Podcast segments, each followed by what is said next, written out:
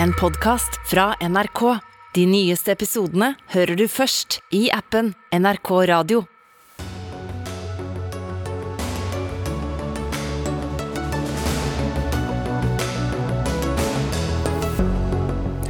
Streiken er kanskje over, men klagene mot SAS har tatt av, og flyselskapet har en jobb å gjøre før de får ei trygg landing etter streiken. En ny boligforskrift må hjelpe bankene til å låne ut mer penger til folk som skal kjøpe bolig, mener meglersjef, som får svar fra bankdirektøren som vil ha strenge krav. Utenlandskablene kunne gi oss billigere strøm på sikt, det mente Sintef i 2018. Strømkrisa er en varsla katastrofe, svarer kommentator i Dag og Tid. Og folkehøyskole fant gigantisk hakekors på en vegg under oppussing. De er usikre på hva de skal gjøre med det. Riksantikvaren mener minner fra krigen er viktig å ta vare på. Dette er litt av menyen i Dagsnytt 18 denne siste fredagen i juli. Jeg heter Morten Kræmer. Først til SAS-streiken, som kanskje er over. Men det er ikke kundenes oppgjør med selskapet. Forbrukerrådet forteller at klagene mot flyselskapet strømmer inn. Kristina Jaret Kjelling, du er blant dem som ble ramma av SAS-streiken. Hva opplevde du og din familie? Nei, vi skulle til Naxos og feire søstera mi som skulle gifte seg der nede. Så jeg og mannen min og ungdommene mine dro nedover for å kose oss og ha ferie. Endelig dra til Syden igjen. Og så kommer vi ned og koser oss, gjennomfører bryllup.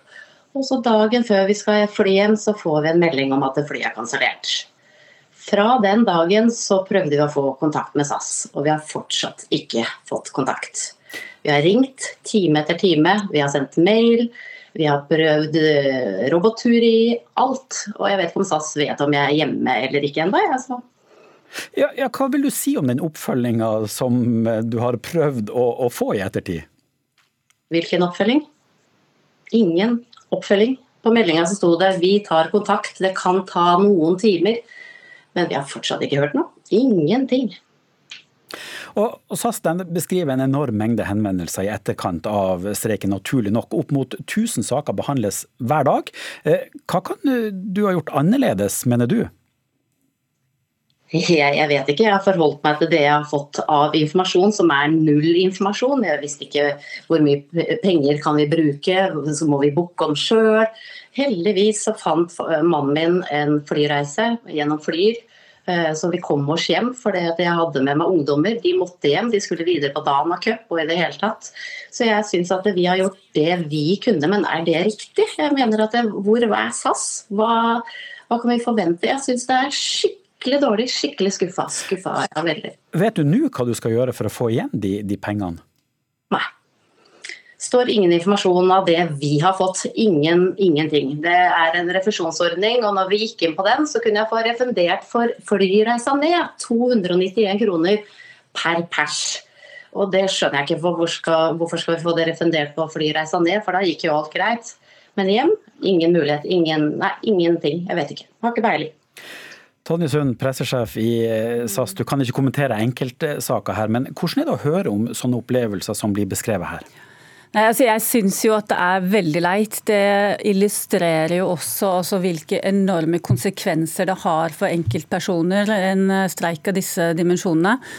Eh, jeg vil gjerne få understreke at alle som har krav på eh, kompensasjon og refusjon fra oss, selvfølgelig skal få det. Og når det har vært så vanskelig å komme i kontakt med oss, som hun illustrerer, klart sånn skal det ikke være. Det, vi ønsker å hjelpe, og vi anbefaler eh, forsøk gjerne en gang til, ta kontakt med oss, så skal vi gjøre alt vi kan. Men, men flere beskriver til NRK at de ikke får mm. tilgang til å søke om eh, refusjon pga. feilmeldinger på nettsiden deres. I Kristinas tilfelle så får de opp feile billetter. Er det feil i systemene deres? Så tusenvis av eh, kunder som er berørte har vært i kontakt og får hjelp hver dag. sånn at Vi ser jo at mange får hjelp, men som er det i de tilfellene som vi ser her, at det er eh, enkelte som da ikke eh, kommer gjennom. Det er dypt beklagelig.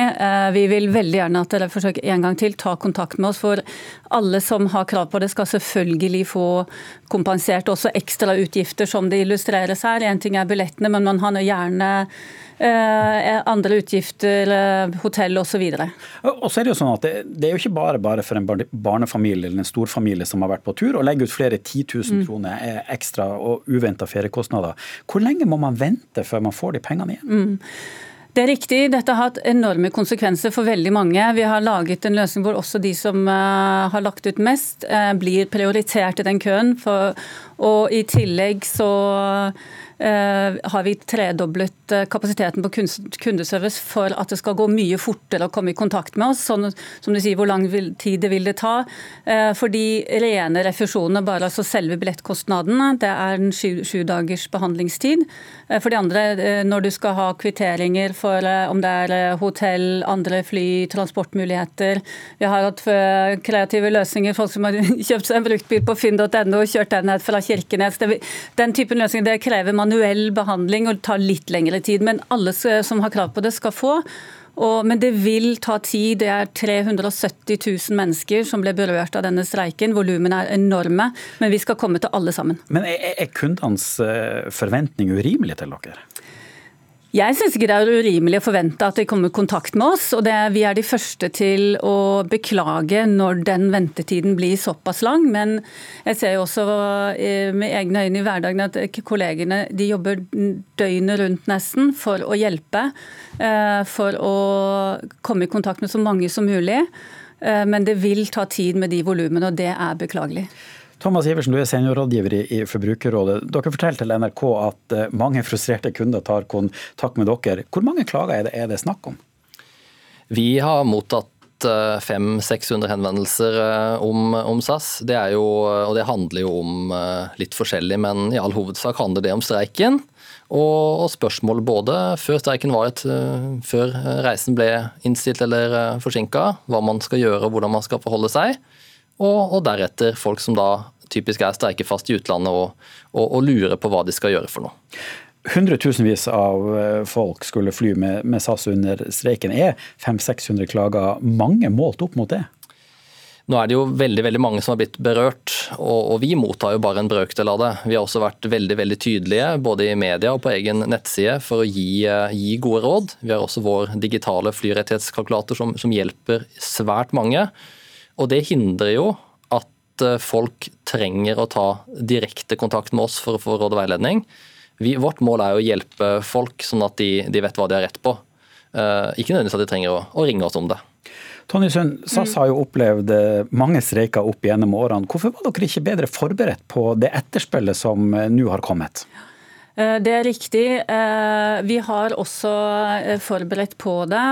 Når det kommer en streik av denne lange varigheten og disse volumene, så tar det litt tid. sånn at det, det, lar seg ikke gjennomføre refusjoner bare på et par dager. Men det er riktig, vi har erfaringer fra pilotstreiken tilbake i 2019, som ikke er veldig lenge siden. Fra, også fra, gjennom pandemien så var det jo veldig mange passasjerer som ble rørt. Man, vi, og det er digitalisert, og vi har forbedret prosesser. sånn at veldig mye er gjort og vi forenkler å komme i kontakt med oss. Men det er klart, vi kan jo alltid også uh, forbedre, og den prosessen er kontinuerlig. Men ja, det er mye lærdom der som vi heldigvis har kunnet benytte i denne situasjonen. Thomas Iversen, hva har kundene rett til å forvente?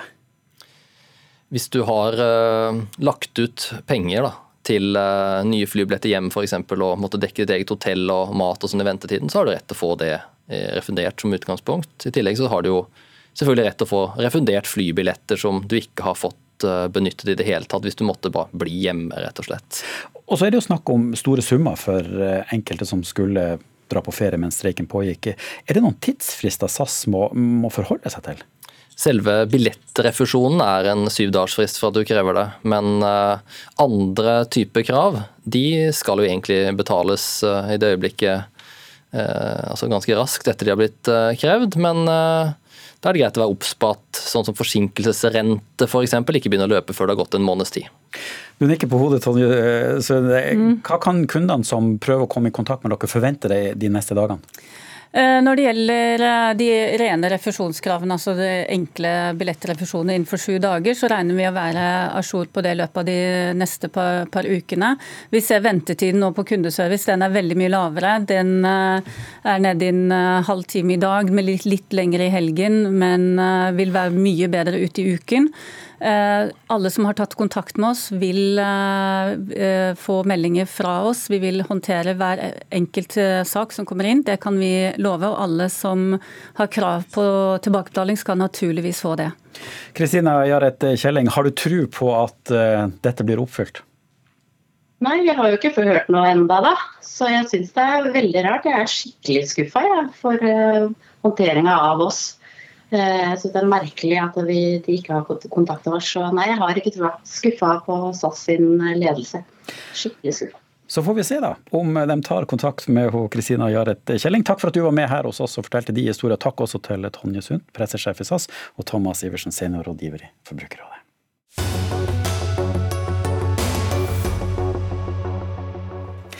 Andre enn Nav kan brukes for å få folk i jobb. Det sa Erna Solberg til VG tidligere i sommer. Etter det så har Arbeiderpartiet ønska svar fra Høyre om hvorfor de vil delprivatisere Nav. I dag så kom eh, svaret til Dagsavisa, så sier Høyre at de vil ha flere private aktører for å hjelpe folk i arbeid. Anna Målberg, du er stortingsrepresentant for Høyre. Én av ti nordmenn mellom 18 og 67 år er uføre, og det antallet øker. Hvorfor er delprivatisering privatisering av en riktig måte å løse utfordringen på?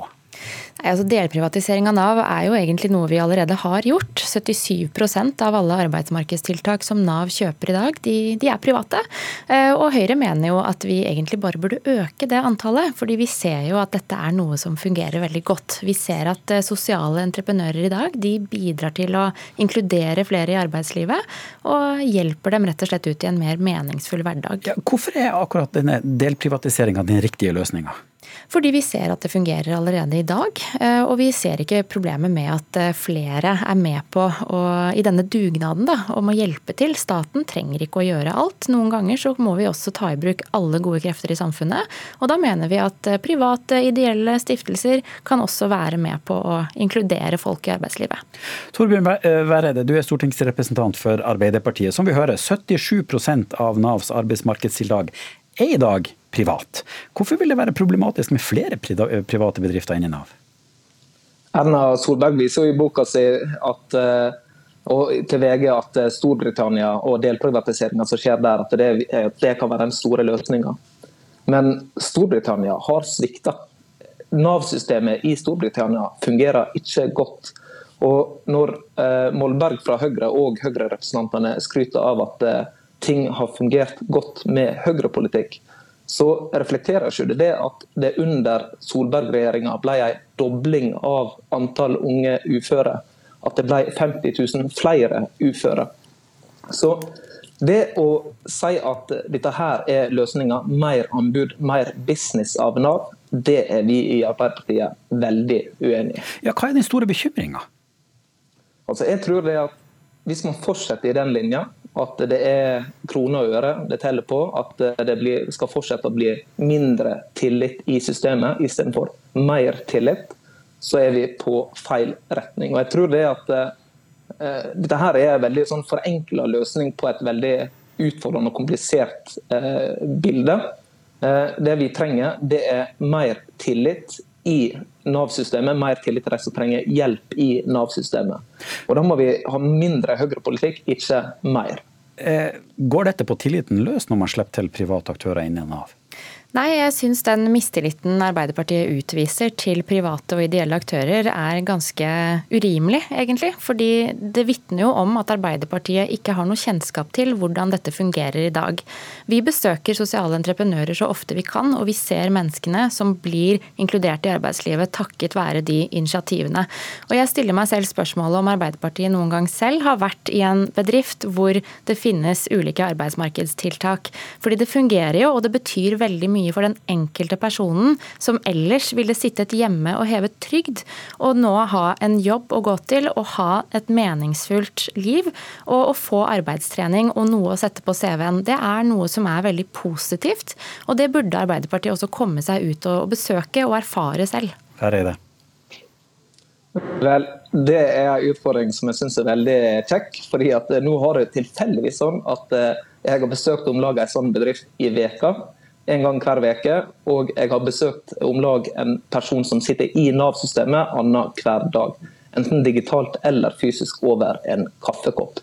Og så har jeg også vært på veldig mange allmøter rundt omkring på Nav-kontor, der de ansatte i Nav forteller hva som er deres sine bekymringer.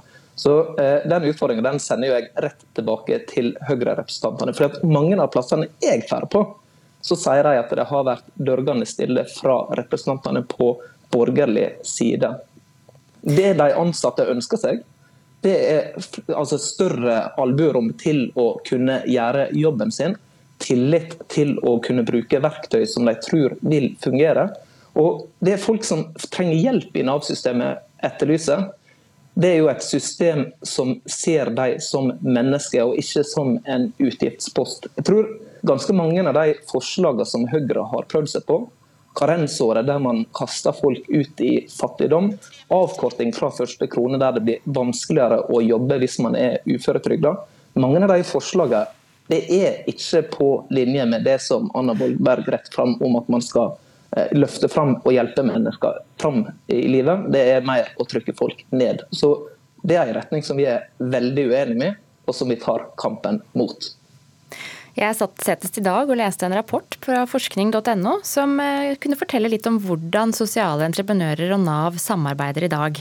Det var eh, veldig mye positivt å se. Eh, rapporten sier at sosiale entreprenører bidrar til nytenkning, innovasjon, nye metoder for hvordan mennesker kan inkluderes inn i arbeidslivet. De utvikler og forbedrer Nav sine tjenester, kunne rapporten konkludere med.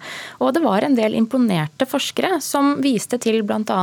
innvandrere som hadde kommet seg ut i jobb takket være en lokal sosialentreprenør som Nav finansierte. De fikk bedre språk, de fikk mer arbeidserfaring. Og det er rett og slett Man må se enkeltmennesker når det kommer til sosiale entreprenører. Man må se de konkrete eksemplene på mennesker som har fått hjelp. Og det betyr veldig mye. Og hvis dette er noe som fungerer, noe det gjør, så ønsker Høyre å bruke mer penger på det. Torbjørn Bæreide, er Arbeiderpartiet allergisk mot det som kalles private initiativ, sånn som Høyre mener? Jeg vil ikke si at vi er allergiske mot noen uh, ideelle initiativ. Men i motsetning til Høyre så er, vi i alle fall ikke besatt av at mest mulig skal ut på anbud, at mest mulig skal gjøres business av. Uh, jeg, altså en av de største uh, bekymringene som jeg fikk fra folk som er i tiltaksbedrifter før valget, var jo at Høyre hadde lyst ut at de skulle sette enda mer ut på anbud. Og Grunnen til at veldig mange som er ute i apparatet syns at det er litt urovekkende, det er at eh, sånn som det har vært i dag, med anbudssystemet, så vet ikke de som jobber med de som trenger hjelp, om de har en jobb bare et par uker fram i tid. Fordi at anbudssystemet blir så uforutsigbart. Det betyr at det blir stort gjennomtrekk. Fordi at det er vanskelig for folk å jobbe i en arbeidsplass der de ikke vet om de eh, et år fram i tid har muligheten til å betale boliglånet. Den formen for usikkerhet det ønsker vi ikke. Vi ønsker at det skal være mer forutsigbarhet. Og så ønsker vi at det skal være flere prøveprosjekt ute i Nav-systemet og ute blant de som samarbeider med Nav. Eh, I dag så er det altfor mange som havner utafor. De må vi få inn igjen. Torbjørn Væreide, stortingsrepresentant for Arbeiderpartiet. Det får bli siste ord i Dagsnytt 18 om denne saken. Takk også til Anna Molberg, stortingsrepresentant for Høyre.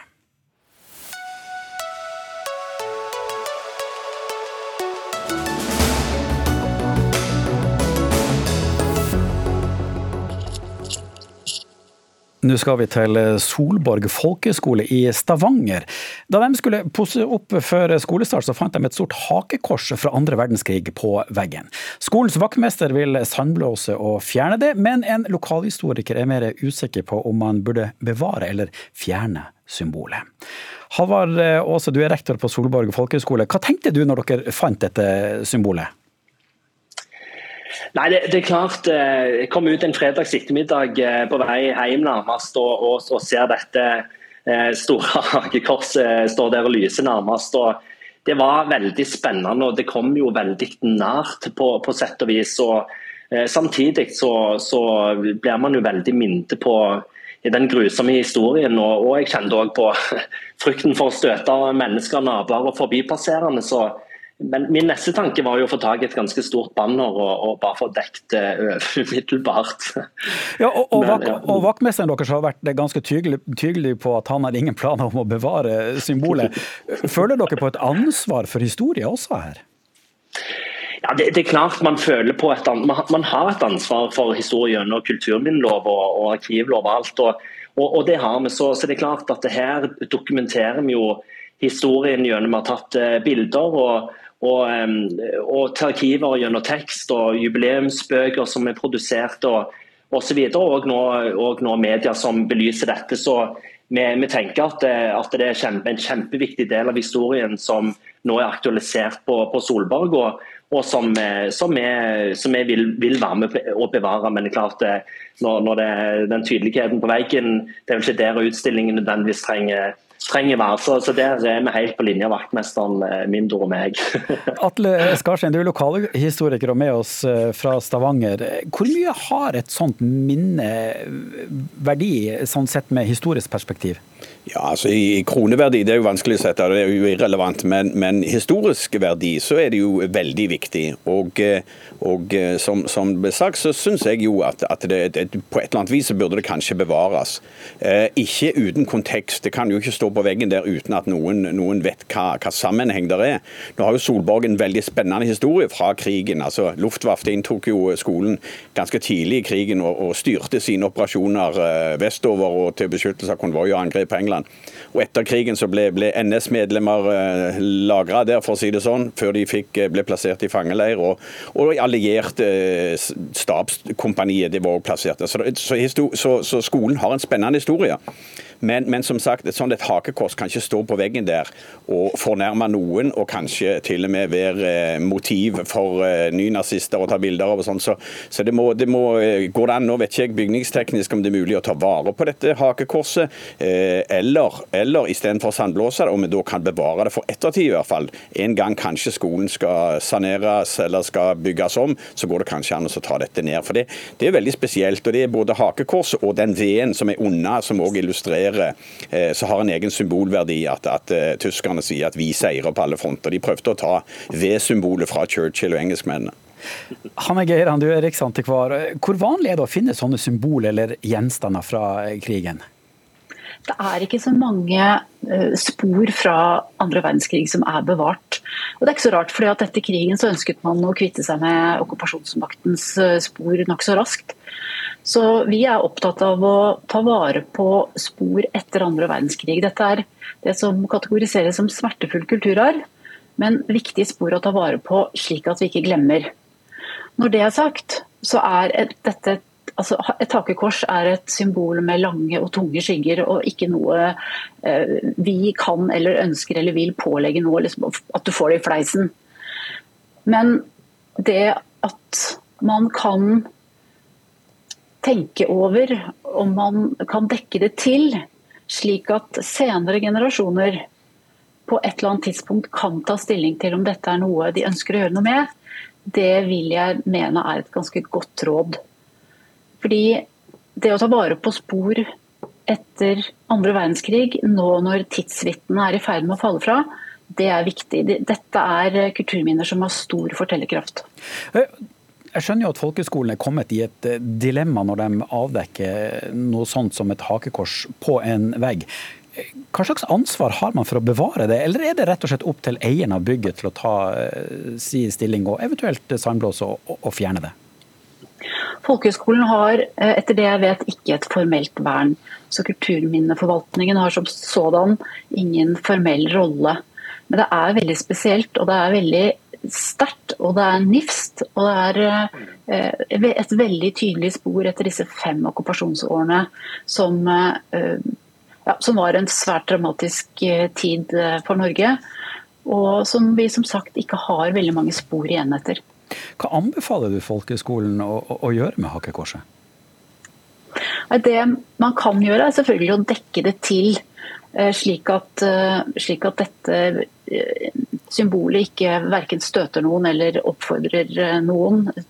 Eh, man kan dekke det til med på ulike måter, men eh, jeg vil i hvert fall sterkt råde Nå hørte jeg jo rektor hadde tenkt nøye gjennom dette, men sterkt råde til å, å, se om det er mulig å, å, finne en løsning slik at det kan ligge der. Som også er en historie i seg selv. Det at man vet at det er der, men at det ikke er borte. Nettopp som en påminnelse til oss alle. Halvard Aase, det som skulle være en hyggelig oppussing før eh, studentene inntok folkehøgskolen, har blitt til et litt av et dilemma for dere i sommer. Er dere blitt litt eh, klokere på hva dere ønsker å, å gjøre med hakekorset? Ja, altså, det er klart det setter jo fokus eh, på, på freden er skjør, og freden er vår og freden er vårt ansvar. Det er en påminnelse i litt urolige tider til, til klokt klok lederskap. holdt jeg på å og og danningen som, som, er vårt ansvar for neste generasjon. Så, så her får vi, får vi, et godt eksempel som kommer veldig, veldig nært. Eh, både i vår formidling til, til våre elever, men òg eh, helt sikkert i regionen og, og, landet. Så jeg tenker vi, vi, ønsker å samarbeide videre med både Arkivverket for tilgjengeliggjøring osv. Hvordan vi skal, skal, få dette til. Men, men, om det betyr et strøk maling som kan fjernes på et senere tidspunkt, det, det, være, det, det, er helt greit. Altså. Men, men, jeg tror vi er helt på linje med Riksantikvaren her òg. Det mm. Ja, det blir spennende å se hva dere finner ut hva mm. dere gjør med hakekorset som ble avdekka mm. under oppussing. Halvard Aase, rektor på Solborg folkehøgskole, Atle Skarstein, lokalhistoriker, og Hanna Geiran, riksantikvar, takk for at dere var med her hos oss. I 2016 så sa Miljøpartiet De Grønne at de ville øke pumpeprisen med fem kroner literen for å få folk til å la bilen stå. Men selv med dagens høye drivstoffpriser, så kjører vi nesten like mye som før. Det viser bare at vi er blitt avhengig av bilen, sier Frp. Det blir det mer om litt senere i sendinga. Men først så skal vi prøve å komme oss inn på boligmarkedet. Høyere boligrente, dyrere mat og strøm kan gjøre det enda vanskeligere å komme inn på boligmarkedet. I høst så skal politikerne bestemme om kravet for å få boliglån skal endres. I dag så må du ha 15% egenkapital, du kan ikke låne mer enn fem ganger av egen inntekt. I tillegg så skal du tåle at renta stiger med hele fem prosentpoeng. Administrerende direktør i Eiendom Norge, Henning Lauritzen. Du mener politikerne bør skrote boliglånsforskriften. Hvorfor det? Ja, jeg tror det er viktig at man minst løser opp i den, og kanskje skroter den. Og Det er litt sammenheng med at den ble innført som strenge regler midlertidig for ca. fem år siden. Eh, for å bøte på en situasjon man hadde da. Det var høy gjeldsvekst, og eh, det var sånn at boligprisene steg og renten var lav. Eh, det var fornuftig da man gjorde det på det tidspunktet. Nå er situasjonen helt annerledes, og som du nevnte, nå stiger renten. Og når renten stiger, da blir det en ganske naturlig mekanisme som gjør at man ikke tar opp like mye lån som tidligere. Og da forsvinner også noe av behovet for forskriften. Ja, For du mener at bankene kan passe på lånegraden sjøl? Altså, før vi fikk eh, boliglåns- eller utlånsforskriften, så, så, måtte bankene gjøre det som står i banklovgivningen, nemlig at de ikke skal gi mer lån enn det folk tåler å ta. Og det vil de ha plikt til å gjøre, selv om vi skulle fjerne utlånsforskriften. Endre Jo Reite, du er privatøkonom og direktør for personmarkedet i BN Bank. Det er dere som låner ut penger til oss forbrukere, og du mener bankene trenger forskrifter for ikke å låne ut for mye penger. Hvorfor det? Jeg mener at eh, etter den lange perioden vi har hatt i bankene hvor vi ikke har sett noe tap i det å gi boliglån til kunder, så, så har vi nok hatt en tendens til å strekke regnestykkene langt og strekke oss langt til å gi lån. Og uten en forskrift som lå som en sånn yttergrense for hva vi kan gjøre, eh, så hadde vi hatt en høyere prisvekst på boliger og møtt renteøkningene som kommer nå med enda høyere gjeld.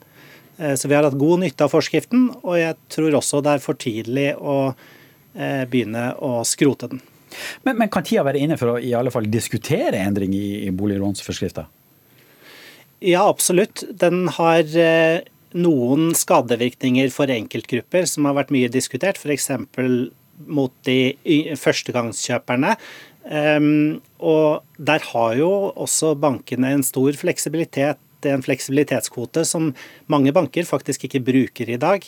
Um, så vi i bankene kan nok også være enda flinkere til å hjelpe den gruppen til å komme inn, selv om de kanskje da har spart 7-8% og ikke helt opp til 15% egenkapital. Ja, Vi har hatt eierlinjen i Norge som har vært veldig vellykket. Hvis vi ser på boligmarkedet i Sverige og Danmark, så har de store problemer innenfor utleiesektoren sin. Men det vi har sett etter at vi fikk streng utlånsregulering, det er at andelen som leier bolig går ganske fort oppover. Og, og I løpet av den perioden vi har hatt streng regulering, så er det ett prosentpoeng flere nordmenn som leier bolig. Og Noe av forklaringen den ligger helt sikkert i at utlånsforskriften den hindrer noen å ta opp lån, og så blir de leietakere. og Det er veldig uheldig. Men Du representerer eiendomsmeglerne. Er det ikke deres interesse at boliglånsforskriften fortsetter? Altså Vår absolutte interesse er jo at fremtidens eh, generasjoner også får kjøpt bolig, for da har vi noe å gjøre. Hvis alle boligene eies av noen store utleiere, så er det lite arbeid igjen til oss. Så det er klart, det er veldig viktig. Og Det er i den sammenhengen vi mener det er viktig at man må se på forskriften når renten går oppover, og for så vidt også alle andre utgifter i husholdningen. Vi har kraftig inflasjon, og, og den kraftige inflasjonen den gjør jo at vi har egentlig realgjeldsnedgang i Norge. Inflasjonen er høyere enn gjeldsveksten. Reite. Hvis du ser på situasjonen vi har nå, hvor vi kommer gjennom en juli hvor vi da ser ut til å ha trukket eh, både bank og kredittkort mer enn noen gang.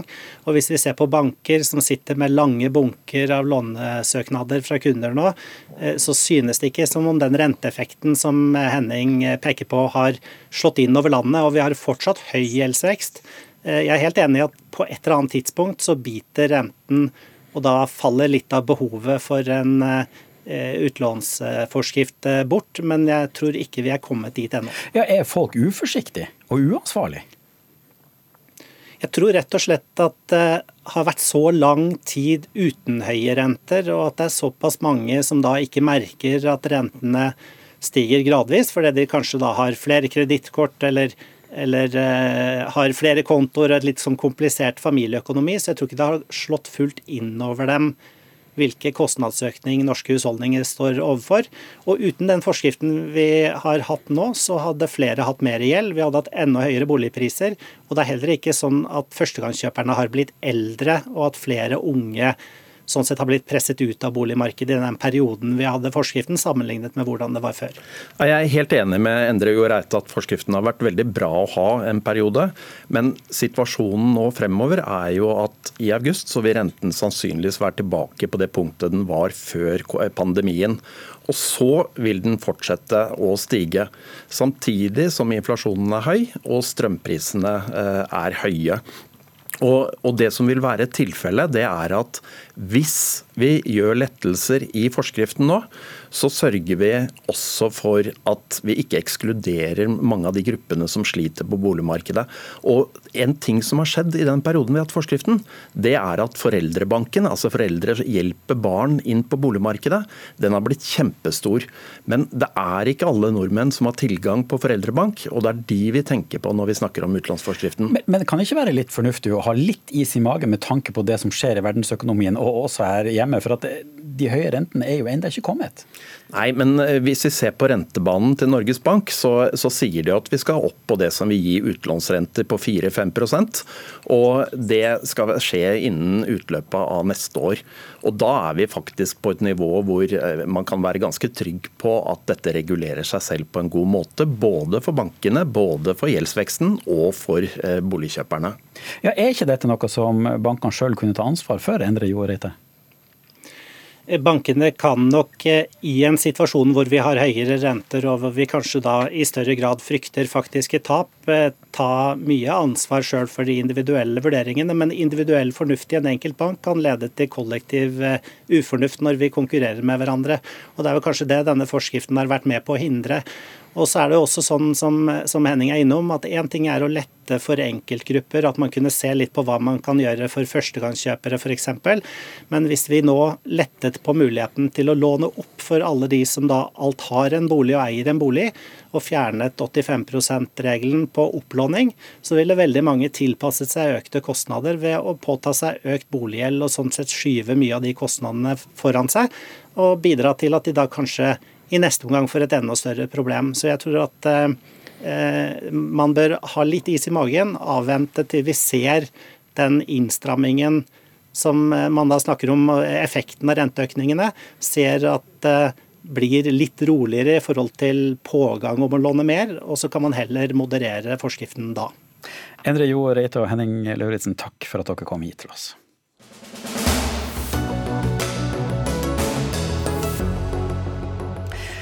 Vi i Norge brukte å ha Europas billigste strøm, men nå går vi mot en vinter med rekordhøye priser og mulig strømrasjonering. Energisituasjonen i Norge risikerer å få eh, Energinasjonen Norge risikerer å få for lite energi, samtidig som vi sender strøm ut i Europa. Jon Hustad, du er skribent i Dag og Tid. Denne uka har vi sett strømpriser på over fire kroner per kilowattime. Er det utenlandskablene som ene, ene og alene har skylda for det? Ene og alene vil jeg ta i, men eh, det er klart det ligger jo i bunnen her. Jeg sitter nå i Hjørundfjord på Sunnmøre ved siden av et kraftverk. Der renner strømmen rett forbi fordi det lønner seg å produsere. Disse produsentene her oppe i Midt-Norge de vil ha kabler over Sognefjorden for å tjene mye mer penger. Og På samme vis som de vil tjene mye mer penger, så tjener de i Sør-Norge massivt med penger fordi de har fått kabler til England og til, eh, til Tyskland. Og Da er jo resultatet nokså forutsigelig. At uh, vi kan tenke oss at det er som egg. Hvis du får betalt én krone per egg, og så kommer det en ny aktør som kan kjøpe egg og betaler 100 kroner per egg, ja, så selger du de 100 kronene for de 100 kronene. Men, men hvordan... England og Tyskland gjør det mulig å selge norsk strøm til mye høyere pris. Men hvordan vet du at det er en årsakssammenheng mellom utenlandskablene og de, de økte strømprisene vi ser? Det landet i Europa som har billigst strøm suverent, er Island. De har ingen kabler. Jeg sitter som sagt i en kraftproduserende fjord i Midt-Norge. Og de som eier kraftverkene vil ha kabler, for da får de høyere priser. Vi kan ikke være så dumme at vi tror at disse kablene ikke medfører høyere priser. Når kraftprodusentene i Midt-Norge skriker etter kabler over Dovre og over Sognefjorden. For da får de solgt strømmen sin til en mye høyere pris. Ellen Krohn Oskar, du er forskningsleder i Sinteft. og I 2018 så mente dere at kablene bare ville øke prisen med noen øre, og på lang sikt eh, til og med kunne gjøre strømmen billigere. Hvordan kom dere til den konklusjonen? Eh, det kommer vi fram til, fordi at det de kablene gjør, er egentlig at man kan dele på både risiko og ressurser over et større eh, geografisk område. Og Det er det vi gjør gjennom kablene og gjennom et felles europeisk marked. Så I Norge så har vi et væravhengig kraftsystem, som betyr at det er på en måte variabel ressurstilgang. Så den koblinga til Europa har vært en del av sikkerheten for vårt system tidligere. Eh, nå har det jo gått mot et mer væravhengig system i Europa også og også denne avhengigheten til, til, gass. Og når vi nå ser at det blir satt under press, så får vi også de prisene eh, fra Europa opp til Norge som fører til høye priser her. Men, men, men det å dele på eh, risiko og ressurser i et felles marked, det er bra for oss. Men når vi ser dagens priser, tok dere feil i 2018? Nei, jeg vil ikke si at vi tok feil, men jeg tror at det har skjedd akkurat nå, den situasjonen vi er i, så er det jo ganske mange sammenfallende usikkerheter som alltid har vært der i energisystemet, som har skjedd på samme tid. Jeg tror det var få som hadde med i måte, fremtidsscenarioene og analysene sine at eh, det skulle være på en måte, såpass massiv energiforsyningsusikkerhet i Europa. Eh, og vi har havna litt i på en måte helt ytterst i et ekstremen av det utfallsrommet som kanskje var i tidligere framtidsscenario, også det vi hadde i 2018. Um, ja, Jon Hustad, mener du Sintef eh, tok feil med sine beregninger i 2018? Ja, selvsagt gjorde de det. Beregningene er jo feil. Vi har jo fasiten nå. Strømprisen i Norge kommer til å være permanent mye høyere enn den var før vi fikk kablene til Storbritannia og til Tyskland. Fasiten er den. Og så er det jo dette her med modellene. Er de så veldig bra når de ikke tar hensyn til at Tyskland faser ut atomkrafta, at Storbritannia faser ut kullkrafta og bytter om til helt væravhengige system? Vinden han produserer når den blåser, sola når det skinner. Når disse kraftkildene forsvinner, ja, da blir det norske magasin i Sør-Norge utrolig mye mer verdt da kan kraftprodusentene i Sør-Norge selge til en veldig mye høyere pris enn før, fordi de har tilgang til de to største markedene i Europa, Storbritannia og Tyskland. Og Jeg forstår godt kraftprodusentene, at de eh, selger til høgstbydende. Det er jo plikta deres. Det er jo det Statkraft skal gjøre. De kommunale kraftverkene osv. Men det gjør jo at norske forbrukere får disse for oss ekstreme prisene. Oskar. Ja, og jeg mener at det er helt rett. Altså, Kraftselskapene har som oppdrag å tjene penger på kraften, og det gjør man gjennom både import og eksport. Eh, det som eh, oppleves som på en måte urettferdig nå, er jo at norske forbrukere og bedrifter betaler veldig dyrt for den strømmen. Så jeg mener at det som vi bør gjøre, er jo å på kort sikt fortsette de støtteordningene som er, for å fordele det bedre internt i Norge, også når det er så store forskjeller på kraftprisen nasjonalt. Eh, og så bør man på lengre sikt få til mer eh, fornybar energiproduksjon og også mer overføringskapasitet internt i Norge, slik at det blir jevnere pris. Eh, men jeg mener at det å beholde utenlandskablene Det blir mer jevn pris når det kommer massivt med mer vind inn i markedet. Vinden blåser på likt i Nordsjøen. Når den ikke blåser, så blir magasinene mye mer verdt, og da blir prisene enda mer ekstreme. Men det blåser jo ikke hele tida? Nei, det blåser ikke hele tida. Og det er der egentlig verdien av norsk vannkraft kommer inn, også mot et europeisk marked som er felles. Og jeg mener fremdeles at jeg vil tilbake til det med at et felles marked, utveksling av kraft, fordele ressurser og risiko, det er nyttig for Norge. Ola Borten Moe, som olje- og energiminister i Stoltenberg-regjeringa, var det du som signerte under avtalen med Storbritannia og Tyskland, som la grunnlaget for utbygging av disse utenlandskablene. Angrer du på det i dag? Jeg har akseptert to utenlandsforbindelser, og så avviste jeg tre. Så det var totalt fem prosjekt. Det som var fortellinga den gangen, og det er jo mye å lære av det her. For det første så var jo eh, modelleringa, eller modellene, det viste jo en marginal økning i den norske strømprisen. Og egentlig en forsikring, for det er jo korrekt at det norske kraftsystemet det er væravhengig. Hvis det ikke regner, og det har det jo nå ikke gjort i, i de sørlige delene av Norge, så er det lite vann i magasinene. og Forsyningssikkerheten og kraftprisen blir høy. Og vi har historisk hatt eh, fordel av å henge f.eks. sammen med Sverige, som har mye atomkraft, og Danmark, som har mye kullkraft. Det var jo òg eh, tanken knytta til både England og eh, Tyskland, altså gjensidig nytte. Men, men, men, det, for, men det, forutsetter jo, det, forutsetter jo, at du knytter deg til eh, aktører og energimarked som er velfungerende. Og det vi diskuterte på Dagsnytt 18 i går, det er at det er ført i dette landet en uansvarlig energipolitikk over tid. Så man har tatt ut veldig mye kapasitet, og så har man fått ekstreme priser som vi importerer fordi at vi har eh, da utvekslingskapasitet.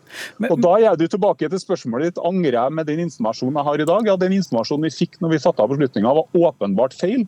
Da var det snakk om noen få øre, ikke mange kroner. Og så er det som jeg tror det var Churchill som sa det, when the facts change, I change my mind.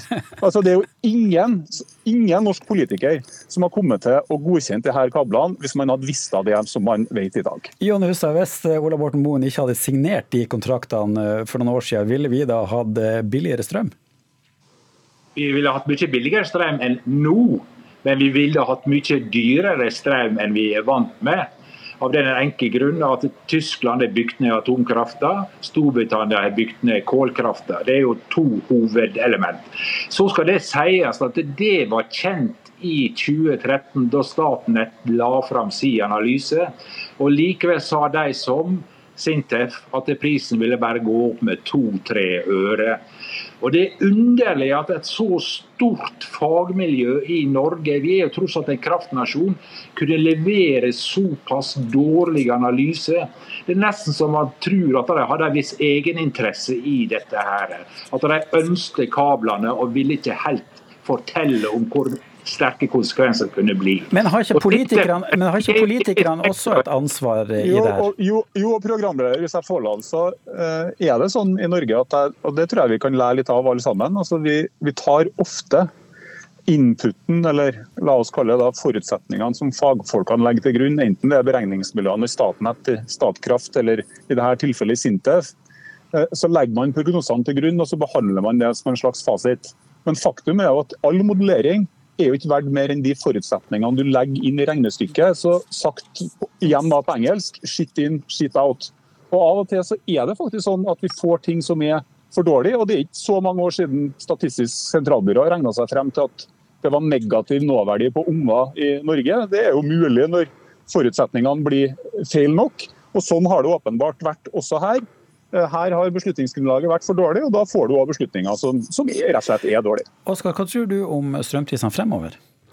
Jeg tror at eh, vi kommer til å måtte gjennom en periode nå der prisene er høye, eh, slik som de er nå. Eh, men så tror jeg at hvis vi gjør de rette tiltakene, så greier vi å komme oss ut av den situasjonen vi er i nå. Men det kommer til å kreve heller mer samarbeid med våre europeiske samarbeidspartnere enn mindre. Så jeg mener at gjennom å dele på ressurser og risiko i et felles marked, gjennom utveksling av kraft med våre naboland, så kommer vi til å få få til overgang til fornybar energi. Vi kommer til å få til et kostnadseffektivt energisystem, og vi kommer til å få til eh, at norske forbrukere og bedrifter eh, kommer til å ha fremdeles nytte av at vi er en energinasjon som har lave kraftpriser i normalsituasjoner. Jeg tror det her, jeg tror det her kommer til å bli veldig, veldig mye verre før det eventuelt blir bedre. Og hvis det blir bedre, så er det fordi at vi avindustrialiserer Europa, og at du derigjennom får frigjort mye kapasitet som presser prisene på energi ned. Det er ingenting som tyder på at Europa er i ferd med å skaffe seg rimelige energiressurser på kort og mellomlang sikt. Hustad, kort til slutt.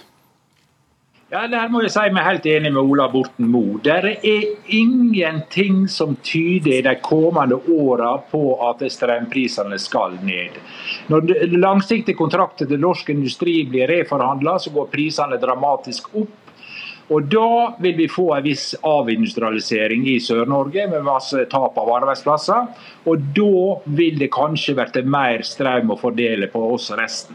Men er det det vi ønsker, at slike samfunn som Odda, at Elkem, Hydro og lignende skal flytte ut av landet? Det er jo et politisk spørsmål, men jeg tror ikke det var det folk så for seg i 2013, da vi vedtok å bygge disse kablene. Det er ingen tvil om at eh, strøm og energikrisa er en het potet her i landet. Jon Hustad, Ellen Krohn Oskar og Ola Borten Moen, takk for at dere var med i eh, Dagsnytt 18. Eh, Eva Nordlund, du er kommentator i Nasjon, og du stiller i dag spørsmålet om det kan komme en intern regjeringsoppgjør som følge av energikrisa. Hva tror du sjøl? Eh, det kan det jo, eh, i ytterste konsekvens. Det er klart at når eh, Senterpartiet og Trygve Slagsvold Vedum har hatt et fall i oppslutning på, fra 22 på det høyeste i fjor vinter, og til fire nå, så er det avskala i grunnfjellet til Senterpartiet. Det gjør veldig vondt. Det gjør veldig vondt. Men når det er sagt, så, så, ja, da kan det jo hende at uh, Senterpartiet på et tidspunkt finner det Eh, bedre å ta en Siv Jensen, altså gå ut av regjering for å bygge sitt eget parti, enn å fortsette å sitte som noen slags gisler. Og da er det jo denne strømpolitikken det først og fremst handler om. Eh, men gisler, ja vel. Men hva er alternativet? Det må de jo også spørre seg. For nå hører vi jo at også Arbeiderpartifolk begynner å puste sin egen statsminister i nakken. Eh, da er det nok grunn til å tro at det er bedre mulighet å få til noen politiske politiske grep om norsk kraft og strømprisene her i landet med Arbeiderpartiet enn med Høyre, som vi veit hva vil. For de vil ha markedsbasert, eh, markedsbasert ordning med fri flyt til Europa. Sånn som også eh, Støre vil ha og har stått opp for helt til nå. Ja, Hva kan det her ha å si altså, for regjeringssamarbeidet mellom Arbeiderpartiet og, og Senterpartiet fremover? Kan vi oppleve ei regjeringskrise på toppen av ei energikrise?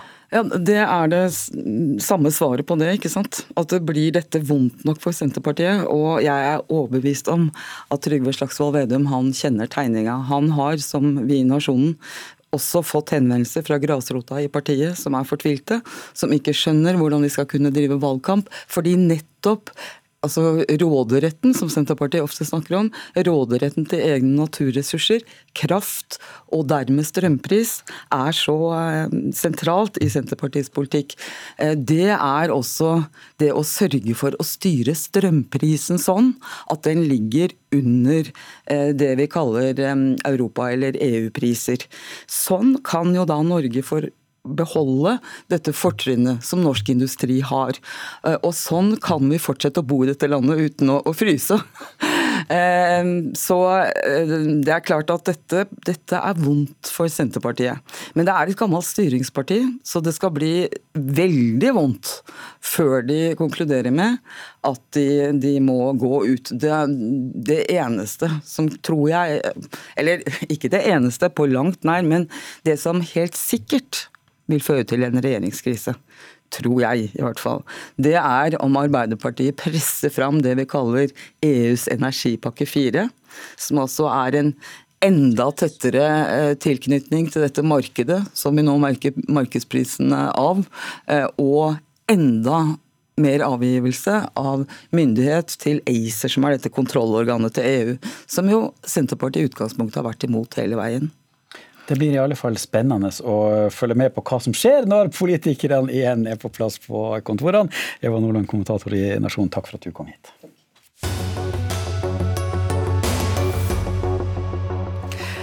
Aldri før har det vært eh, dyrere å fylle tanken på bilen. Miljøpartiet De Grønne har tidligere gått inn for å øke bensinavgifta med fem kroner per liter, i håp om at eh, flere ville la bilen stå.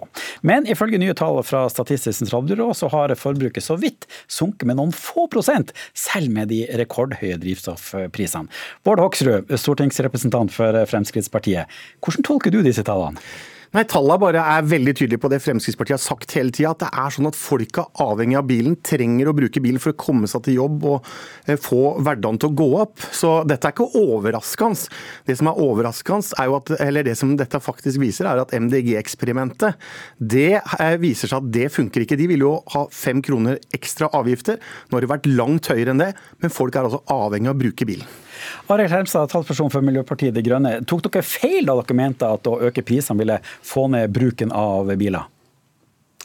Nei, det gjorde vi jo ikke. For vi ser jo at eh, det går noe ned. Det går ned mellom 2 og 4% per år, altså forbruk av bensin og diesel.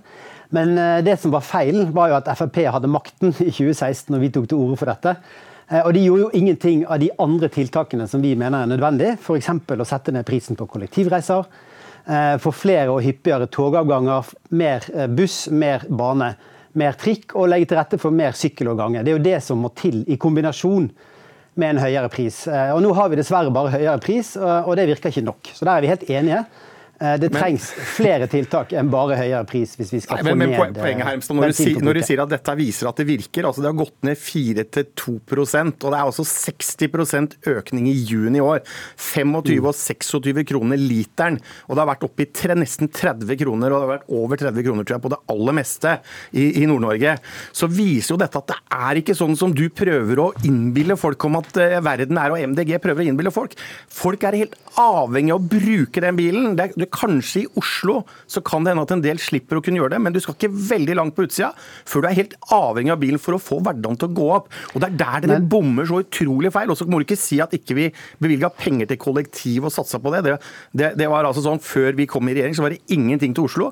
Etter at Frp kom i regjering, så blei det faktisk mye penger til kollektiv. Men vi må ha flere tanker i huet på en gang. Så må vi skjønne at Norge ser ut som det gjør, og folk er avhengig av den bilen. Helsa. Eh, eh, for det første så er det jo sånn at eh, det Frp har utmerket seg med i sin regjeringsperiode, er jo å bygge historisk mange nye veier. Og når du bygger nye veier, firefeltsveier, så fylles de opp av biler. Det er veldig enkel logikk. Frp har ikke vært med på noe som helst når det gjelder prisnedsettelser på kollektiv. Og før denne enorme prisøkningen som vi har opplevd nå, så økte jo eh, kollektivprisene tre ganger så mye som bensinprisen. Og så er det riktig. Vi har sett de siste månedene at bensinprisen har skutt i været. Det skyldes jo selvfølgelig ganske spesielle omstendigheter. Og eh, Jeg er helt enig med Hoksrud. Jeg tror ikke at folk klarer plutselig Oi, nå går det visst plutselig en buss fordi at bensinen koster 25 kroner literen. Det skjer ikke.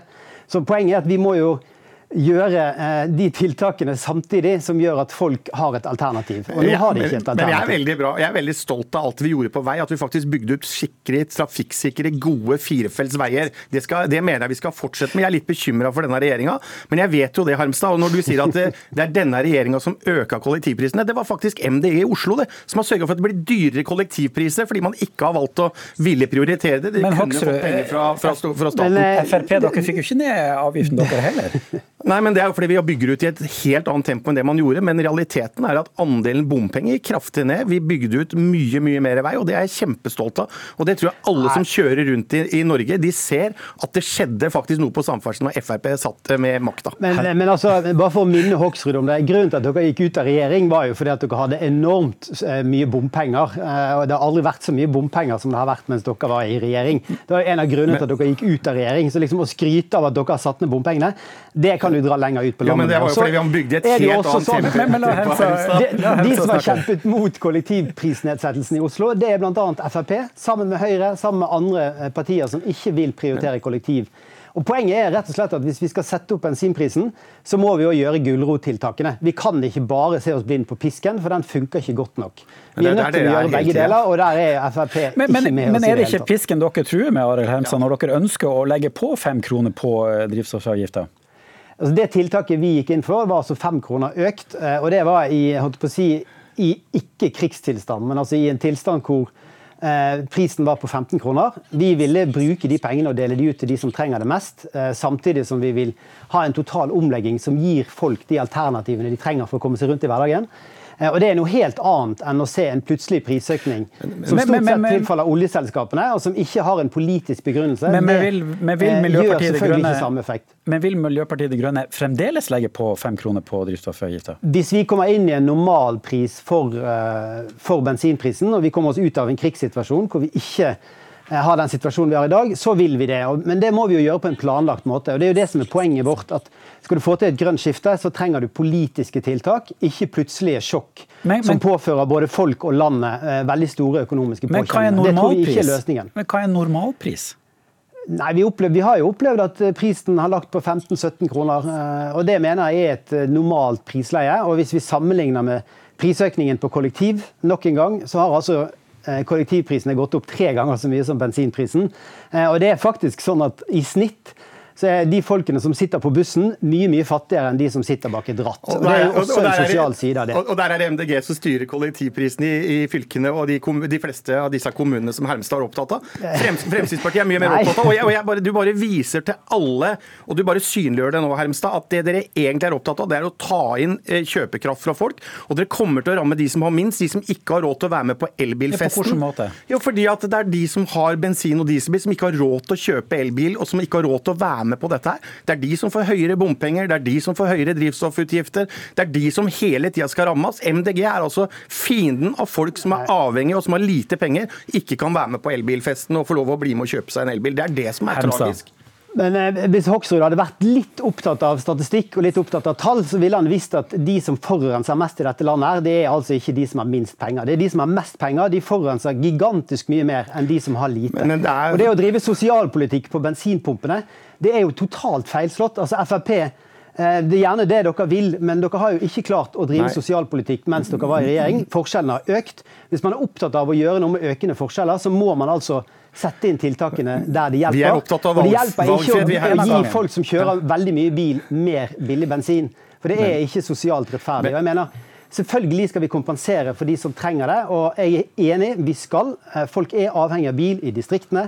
Men da må de altså eh, få hjelp til å også få overgang til en elbil så raskt som mulig. Og det har vi heller ikke sett raskt nok skje For. Forskjellen på meg og deg, Harmstad, er at Fremskrittspartiet er opptatt av valgfrihet. Folk skal kunne få lov å velge det du er opptatt av. Du skal henge de stakkarene som er avhengig av den bensin- og dieselbilen, ikke har råd til å kjøpe en elbil. Det er de du hele tida skal flå, det er de du hele tida skal gjøre vanskeligere for. Egentlig vil du gjøre det vanskeligere for alle, fordi du vil ha mindre vei, og du vil at folk egentlig skal tilbake til hest og kjerre og slutte å kjøre bil, og kjøre kollektivt. Og i distriktene så er det tre ja, tre-fire på en del av de bussene. Da er det forurensere mye mer enn en bil. Da er det faktisk smart at folk kan kjøre den bilen og komme seg til familie, få hverdagen til å gå opp rundt omkring i hele landet. Det er det det handler om, Men altså, Bård Hoksrud, jeg har ikke sagt at du vil gjøre det gratis med bensin. Eh, Og når du påstår at jeg vil tilbake til hest og kjerre, så er det det, det er egentlig sier. Jeg vil. at det skal lønne seg men- å ta miljøvennlige valg. Men det er veldig uansett- viktig. Det gjør det ikke i dag. I dag blir du straffet hvis du velger miljøvennlige valg. Uansett, sånn hvordan dere, uansett De som- hvordan dere velger å fylle tanken i dag, så kjør forsiktig.